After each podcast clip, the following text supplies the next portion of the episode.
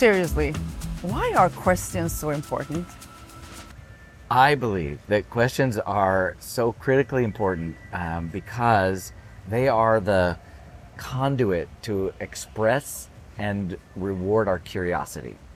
I think that that's the issue. We, we are curious beings. Humans are curious beings. Kids, in particular, ask questions constantly. They're curious and interested in the world, and that's the thing we have to keep alive: is our own curiosity.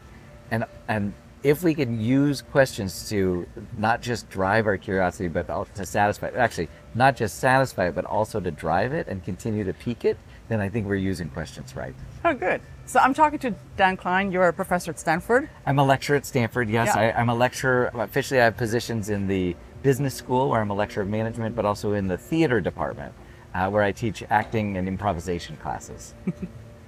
Yeah, that's fun. You you make uh, business people uh, go way out of their comfort That's, zones. that seems to be my purpose. Yes, Do you have fun while doing it? I love it. Yeah. I don't know if that comes comes across, but It it's a great it joy. does, it does, Yeah. Definitely. So, why are people usually so bad at asking questions? Is that because they lose their curiosity, or is it for, because they get into some kind of I think there's a lot of ego involved. I think a lot of the things that get in the way of people um, expressing themselves or being authentic or all of the things that I'm trying to help encourage are based on ego and fear. And I think that when we ask, when we no longer use questions to express uh, our curiosity, I think we're actually, we might still ask questions, but it's not, they're not meaningful. They might be manipulative. They might be just like trying to show what you know. You know, I see this all the time where someone will, they'll ask a question and it's not a question. It's a statement phrased in the form of a question so that they can show everyone else what they already know. Hmm. Or they'll ask a leading question because they want you to have a certain answer. These are not the same. These are not curiosity based questions. how do you go about asking curiosity-driven questions and not you know, putting people on the spot or like in a nice way? Yeah, I, I I don't know. I mean, that's a great question right there. I think I think the thing that I'm finding right now, I, I can't call myself an expert on questions, but I've read a couple of really interesting books, and I've gotten to play with it with groups of smart people, and I and I find it's very enjoyable and satisfying, and I'm I'm getting a lot of value out of it myself. I think I think there's a few um, techniques that are nice. One of them is to uh, ask, uh, I like what if questions. What if is a great question because it, it, it lays out the possibility. Um, it, it, it, it piques our imagination, and there's not a right answer. And so that's, you know, it, it kind of puts us in that state of like being curious and interested in what the, in what the result could be. Another one that we use a lot at the D school at Stanford, where we teach design thinking, is how might we? right? Um, how might we is a nice phrase for a for a um, for an idea generating question because it throws out the possibility, and and uh, how questions are good because they're asking for a process.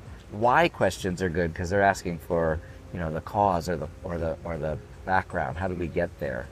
Um, uh, but how questions are different because they're sort of saying, okay, how, how might we do this? How might we make a change? How might we uncover these differences, whatever it is? So, how could politicians or politics use questions in a better way? Do you think? I think those are some good ones, actually. Uh, If they're if politicians, so I think about this. If politicians are asking questions in a manipulative way, it will read wrong. Yeah. If they already know the answer, uh, but if they're genuinely curious and interested, and they use questions as a way to find out more about their constituents, find out more about what people care about and what they need, I think that's excellent.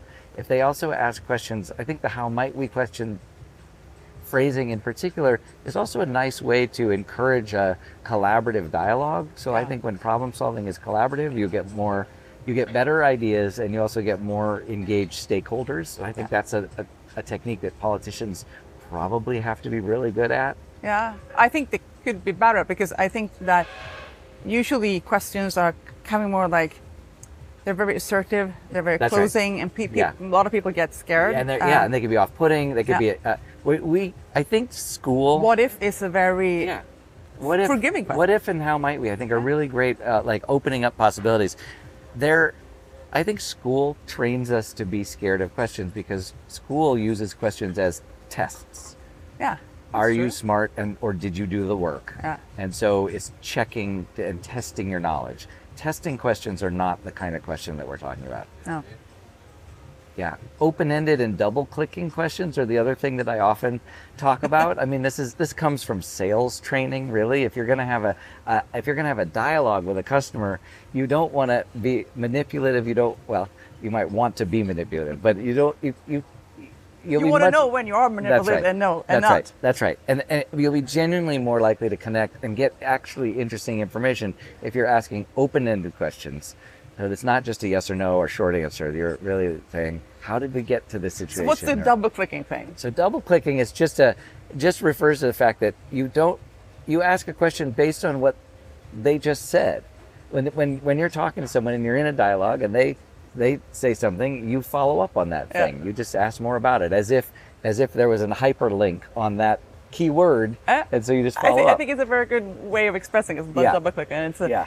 and and it's also interesting that that that, that actually is a thing That- that yeah. people don't follow up on, what, on the Oh. information that they get. I once did a. Uh, I once taught an improv class, Yeah. and one of my uh, one of my graduate students at Stanford was a. She was getting her PhD in uh, education. She's brilliant. Her name is Lisa Barker, and she uh, and so in the class she had some teachers take my class, and they um, and then she tracked after they studied improvisation. Did they use it in their own classrooms? And they didn't use it in terms of they didn't play a bunch of improv games or get to be really wild, weird, and creative. What they did was the ones who had done my class were more likely to follow up on what students said and con- and continue with the dialogue with Yeah. them. So oftentimes a teacher will ask a question, the student will answer, and then the teacher will move on. Yeah. But that let that answer be the start of a conversation is the whole point. So that was one of the major transformations that studying improvisation led to a more engaged, dynamic teacher, like following up questions. So what do you see generally in business leaders? What is it that transformed them the most? You've been doing thousands and thousands of Yeah. them now. I, you know, I even with all of my experience, I have to recognize it's not, um, uh, it's not super scientific because it's not a double-blind study. There's the there's a selection bias of people who This end up in my rooms. That's, that, right. So, um, but it really does seem to me that the most transformative thing, what people respond report back to me, has to do with a sense of uh, of playful engagement. I mean, business is serious, um, but if it's too serious, it's not sustainable. I- I don't mean like I just have some levity sometimes, but I mean like follow the the fun, follow the thing that you're actually engaged and passionate about, and that can be transformative. And then people figure that out. Well, I think I think getting a chance to I mean I do weird things in the classroom. Yeah, you do. They walk they walk into they come to the Stanford Business School and uh and I have white hair and a white beard and it seems like it's potentially serious and uh, and I get people jumping up and down and running around and, and doing weird things but they're they're stepping out of their comfort zone they're finding out that that's okay they're expanding the range of how they can show up as leaders and they're also expressing their humanity. So people end up admiring them more, even though they're letting their guard down. Yeah, that's true. Do you see any sort of cultural differences? Yeah, uh, I mean, there's definitely cultural differences, but honestly, they're more. Um, it's just Corporate people. differences? It's- maybe people are people. Like that's the that's the thing I learned early on. I was actually very scared 20, 30 years ago when I first got went into organizational settings to do my work. I thought, well, they're these are business people. They're going to be they're going to tear me apart. They're going to and and my colleague said, "Oh no, they're it's they're going to be fine. They're they're just people." and I went into that first classroom, the first the first the conference room to do my thing, and the first person that I met, I struck up a conversation. And I was like, "Okay, this person," and then the next person, and I was like, "Oh, these are they are they're just people." And and every room I've ever been in, it just reminded me like people are people. Yeah. Uh, there are differences, obviously. Um, in in some ways, some cultures are more likely to um, express themselves in different in, in some ways than others. But but deep down, they're way more similar than different. So, so what are the things if, if one cannot, you know, attend your class? Uh, Yeah. There are a few that- can, but Yeah. if you want to do something by yourself, like start, okay, how can I get started? This sounds interesting. Okay, I have a book recommendation, uh, and I should name the question books too before I forget. But the the book that I want to recommend is called Improv Wisdom by Patricia Ryan Madson.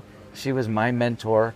Um, she she taught me improv 30 plus years ago. She taught at the Stanford Theater Department for for for over 30 years.